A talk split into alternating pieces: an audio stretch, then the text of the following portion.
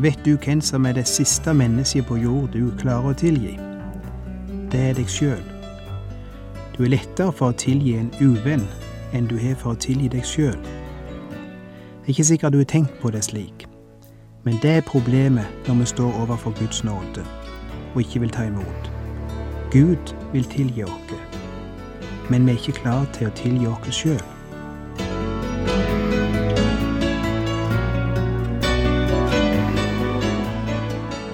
Hjertelig velkommen til et nytt program i serien Vindu mot livet. Vindu mot livet er basert på programserien Insight for Living ved Chuck Svindal. Programmet er produsert av Kristen Riksradio og blir ledet av Ola Bjoland.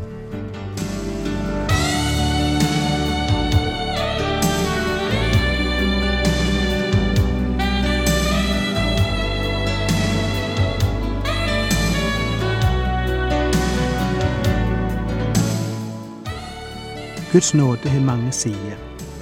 Vi snakker mye i disse programmene om den horisontale sida av nåden. Det vil si at nåden må leves, må prege vårt forhold til andre mennesker. Og vi har sett på en del konkrete områder der nåden kommer inn og forandrer holdninger, oppførsel, løser bånd og bryter ned murer.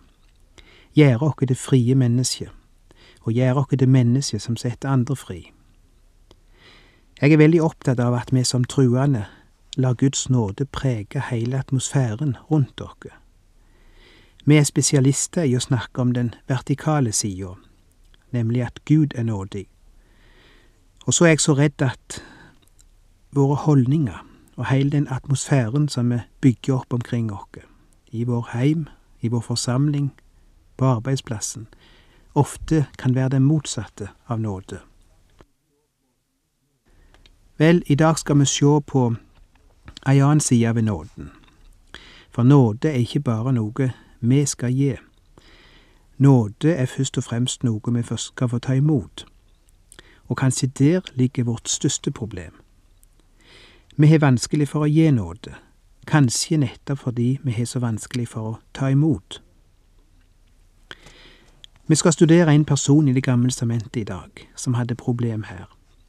Og det er ingen ringere enn Moses, en mann som avslo Guds nåde i en bestemt situasjon, sikkert ikke bevisst, men som likevel ikke riktig klarte å åpne seg og motta Guds utstrakte hånd i en situasjon da han kunne trengt den mer enn noen gang. Vi skal se på andre Mosebok kapittel tre. Moses er nå 80 år gammel.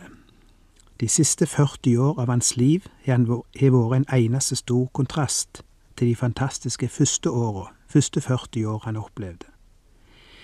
Vi kjenner historien, det vil si vi kjenner den, de, første 40 år av hans liv.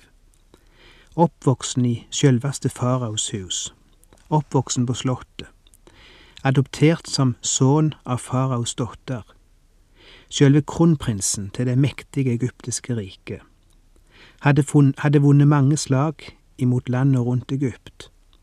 Ei kiste full av medaljer. Kjørte i ei vogn som skinte av gull. Når han var ute og kjørte, ropte folk, bøy dere, fall på kne, Moses er underveis. Mens han bodde på slottet, hadde Gud snakket til han om det store oppdraget han hadde tiltenkt han. Han skulle befri Israel ifra fangenskap.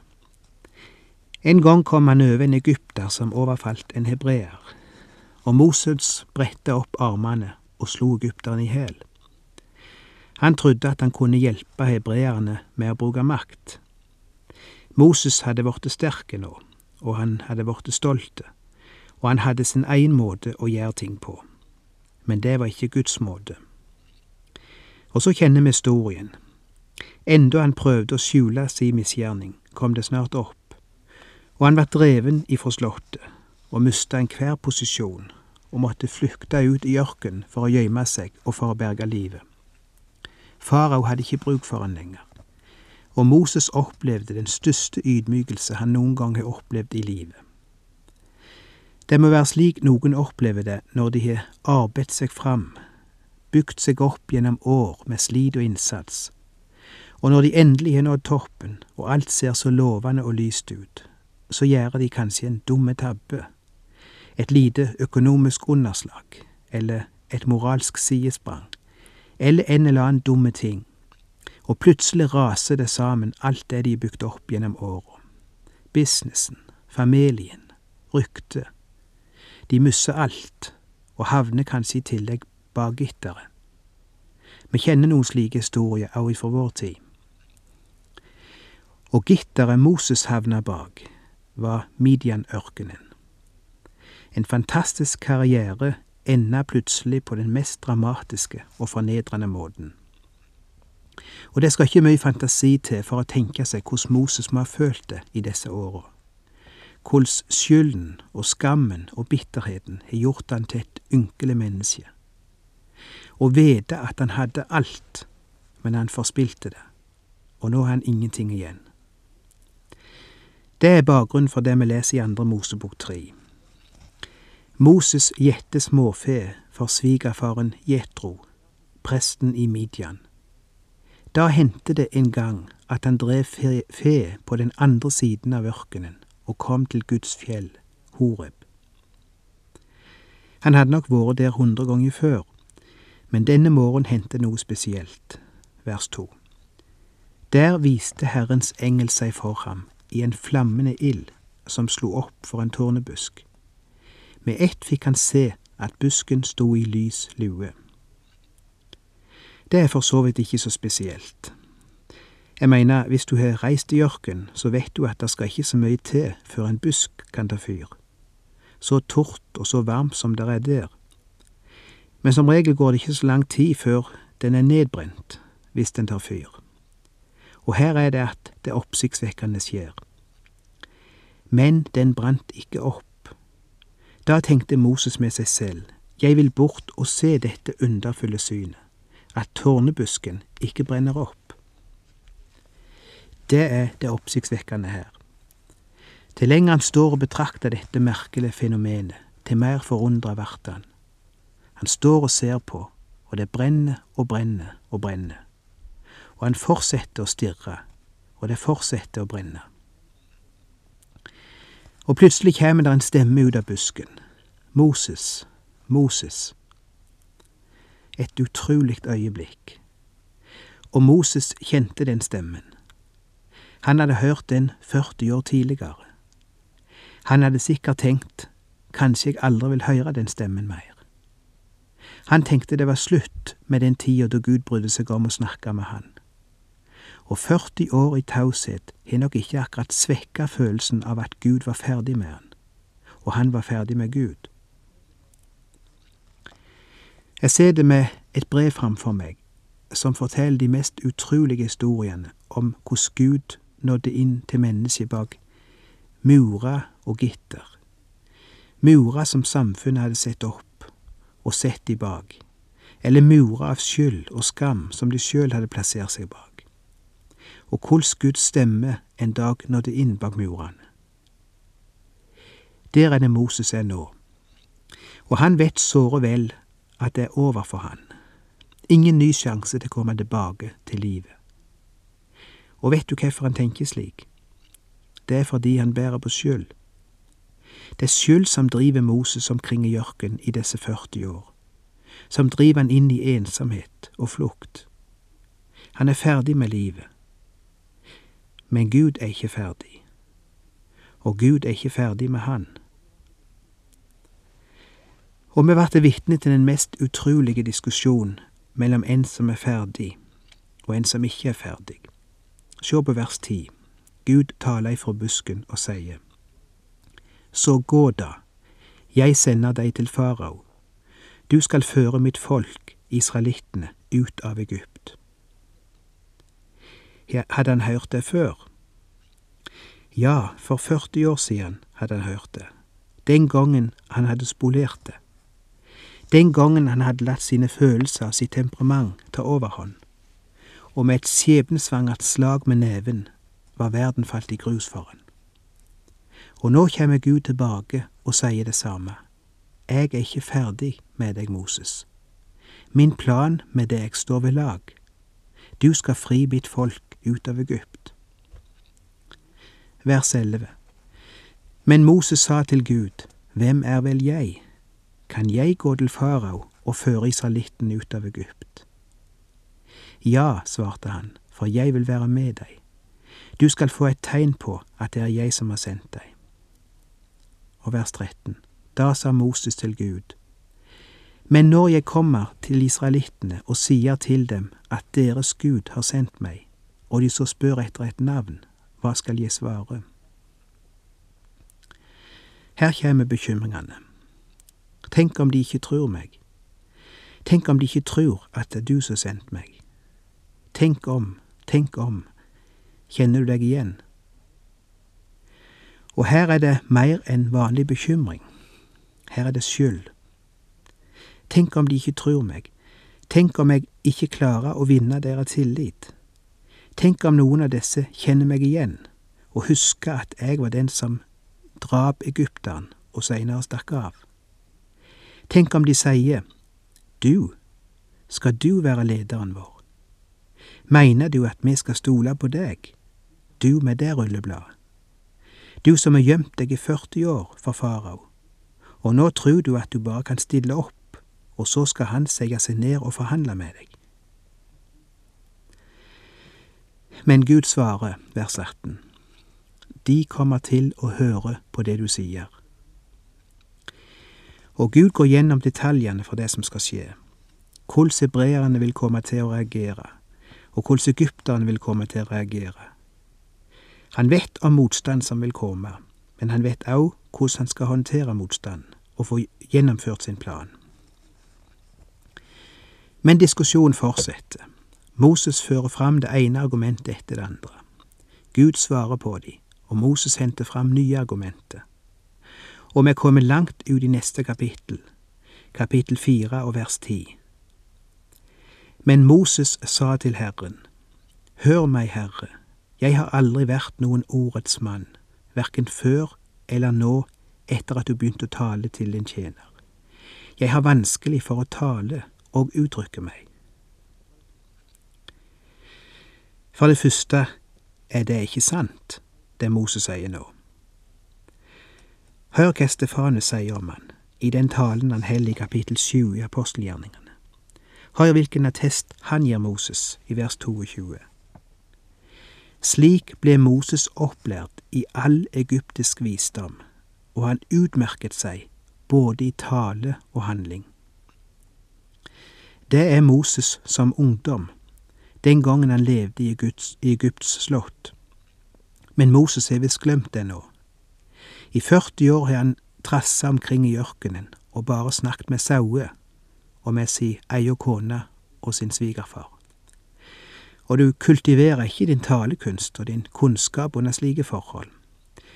Og nå føler Moses, jeg kan ikke dette, jeg kan ikke engang snakke for meg. Egypterne er skolerte og veltrente og fulgt med i tida. Jeg er bare en værbitt, brunbarka gjeter. Det er som denne historien skulle ha vært tatt rett ut av dagens virkelighet. For er det ikke nettopp dette vi gjemmer oss bak overfor Gud? Jeg passer ikke, jeg kan ikke noe. Slutt å gjemme deg bak det. Gud spør ikke etter det. Han svarer Moses i vers tolv. Gå, så skal jeg være med deg når du taler, og lære deg hva du skal si. Men han sa, Å Herre, send en annen, send hvem du vil. Det kan høres ydmykt ut, men det er egentlig et påskudd for å prøve å komme seg unna.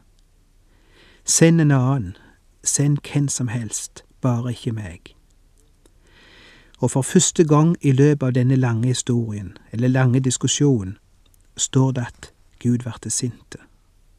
Vers 14. Da ble Herren harm på Moses og sa, Har du ikke din bror Aron, levitten?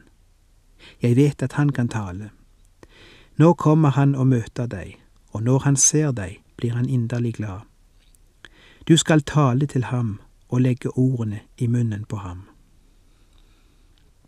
Det som Gud vil si, ok, Moses, du skal få det på din måte, denne gangen òg, men du vil komme til å angre på at du ikke gjorde det på min måte. Og jeg kan bare nevne ordet gullkalven, så kan det sjøl tenke dere hvor Moses seinere kom til å angre på at han involverte Aron i dette. Hva er det som er problemet her? Jeg tror problemet er at Moses ennå ikke har kommet over si skyld, ikke har klart å forholde seg til det vonde som hendte han 40 år tidligere. Og det er da en har problem med å forholde seg til nåden, ser du. For her strekker Gud ut ei nådig hånd til Moses, men skyld og skam hindrer Moses ifra å gripe den hånda. Han gjemmer seg bak alle slags unnskyldninger. Skylden står som en mur mellom han og Gud, og hindre han i å ta imot Guds nådige plan med hans liv, og restaurere han og bringe han tilbake til livet og inn i tjenesten igjen. Kanskje du er en av disse som kjenner bedre de skyld enn du kjenner Guds nåde, som er flinkere til å dvele med hva du har gjort galt, enn å tenke på hva Gud har gjort godt, og hva Gud kan gjøre med deg. Og du bruker de skyld som et middel til å holde Guds nåde på betryggende avstand. Vet du hvem som er det siste mennesket på jord du klarer å tilgi? Det er deg sjøl. Du er lettere for å tilgi en uvenn enn du har for å tilgi deg sjøl. Det er ikke sikkert du har tenkt på det slik, men det er problemet når vi står overfor Guds nåde og ikke vil ta imot. Gud vil tilgi oss, men vi er ikke klare til å tilgi oss sjøl. Der skal vi forlate Moses, og der slutter vår serie om nåden. Og der vil jeg la det henge i lufta, så å si. Jeg vil du skal tenke litt på dette. For vi har ei tjukk bok framfor oss, som fra første til siste blad taler om Guds uendelige nåde, som han demonstrerer for oss på tusen forskjellige måter. Og det Gud er opptatt av ifra morgen til kveld, er å finne måter å nå deg på med den helbredende makt som heter nåde. Men tusenvis av mennesker det fortsatt nedtynga av skyld og møter budskapet med all slags unnskyldninger og argumenter. Jeg vet at din nåde er stor, Gud, men du ser, det er ikke så lett for meg, for jeg har ei fortid som ikke er så lett å forandre, og jeg har en natur som ikke passer inn i din nåde, og jeg mangler de grunnleggende forutsetningene, og bla, bla, akkurat som Moses og flere tusen år har Gud måttet såde og hørt på de samme argumentene, de samme unnskyldningene. Lurer på når han blir lei. Lurer på når han gir opp. Men så lenge jeg sitter med denne boka mellom hendene, vet jeg at han ikke har gitt opp. Og i dag gjør han et nytt forsøk overfor deg. Og når du møter dette tilbudet med argumentet for meg er det ikke håp, for meg er det ikke tilgivelse. For meg er det ingen nåde. Da vil jeg utfordre deg med et motspørsmål. Mon ikke problemet er at du ikke er klart å tilgi deg sjøl? Og for å hjelpe deg til å tenke litt videre på dette, vil jeg avslutte med et personlig vitnesbyrd som jeg har nevnt før, som jeg las i bladet Sambåndet for ei tid siden. Det er skrevet av ei som heter Diddy Lund, og overskriften er Gud tilgir. Tilgir du deg selv? For mange år siden hadde jeg gjort noe galt som jeg på en måte ikke fikk fred for. Det var ikke noen stor synd, men den hang fast, plaget meg. Jeg hadde bedt Gud om forlatelse. Jeg hadde hatt synden med meg til nadværbordet, og jeg trodde på sett og vis at Gud hadde tilgitt. Men hvorfor fikk jeg ikke fred for den? En natt hadde jeg en drøm. Jeg var i en enorm sal. Øverst satt Gud, og jeg så ham ikke, han satt på en høy trone, men jeg visste at det var han som satt der. Langt nede i salen satt jeg, alene. Så sa Gud, Didi, jeg frikjenner deg, du er tilgitt. Til forskrekkelse reiste jeg meg og sa, men jeg fastholder. Da jeg våknet om morgenen, forsto jeg en del saker. Det var ikke Guds tilgivelse som manglet meg, det var min egen. Jeg hadde såret min forfengelighet, brutt med mine normer. Det var utilgivelig i forhold til mitt ideal og meg selv. Og jeg tenkte med gru, hvor er du som fastholder noe som Herren frikjenner? Du er kommet i motsetning til Gud på den måten. Den Herren tilgir, selv om det er en selv, den må vi òg tilgi. Siden den gang har jeg sjelden problemer med å tilgi meg selv, hvis jeg bare vet at jeg har vært hos Gud med saken. Hvem vil meg beskylde, meg med angest fulle for min synd på ny? Var jeg mot min vilje, synder, forestille som en tordensky. Jesus har gjort saken klar. Han meg gir sin nådes fylde. Hvem vil meg beskylde? Hvem vil meg fordømme? Jesu blodestrømme senker jeg meg i. Gud for alle riker dømmer selv og sier, denne han er fri. Han er todd i Jesu blod. Satan, synd og død må rømme. Hvem vil meg fordømme?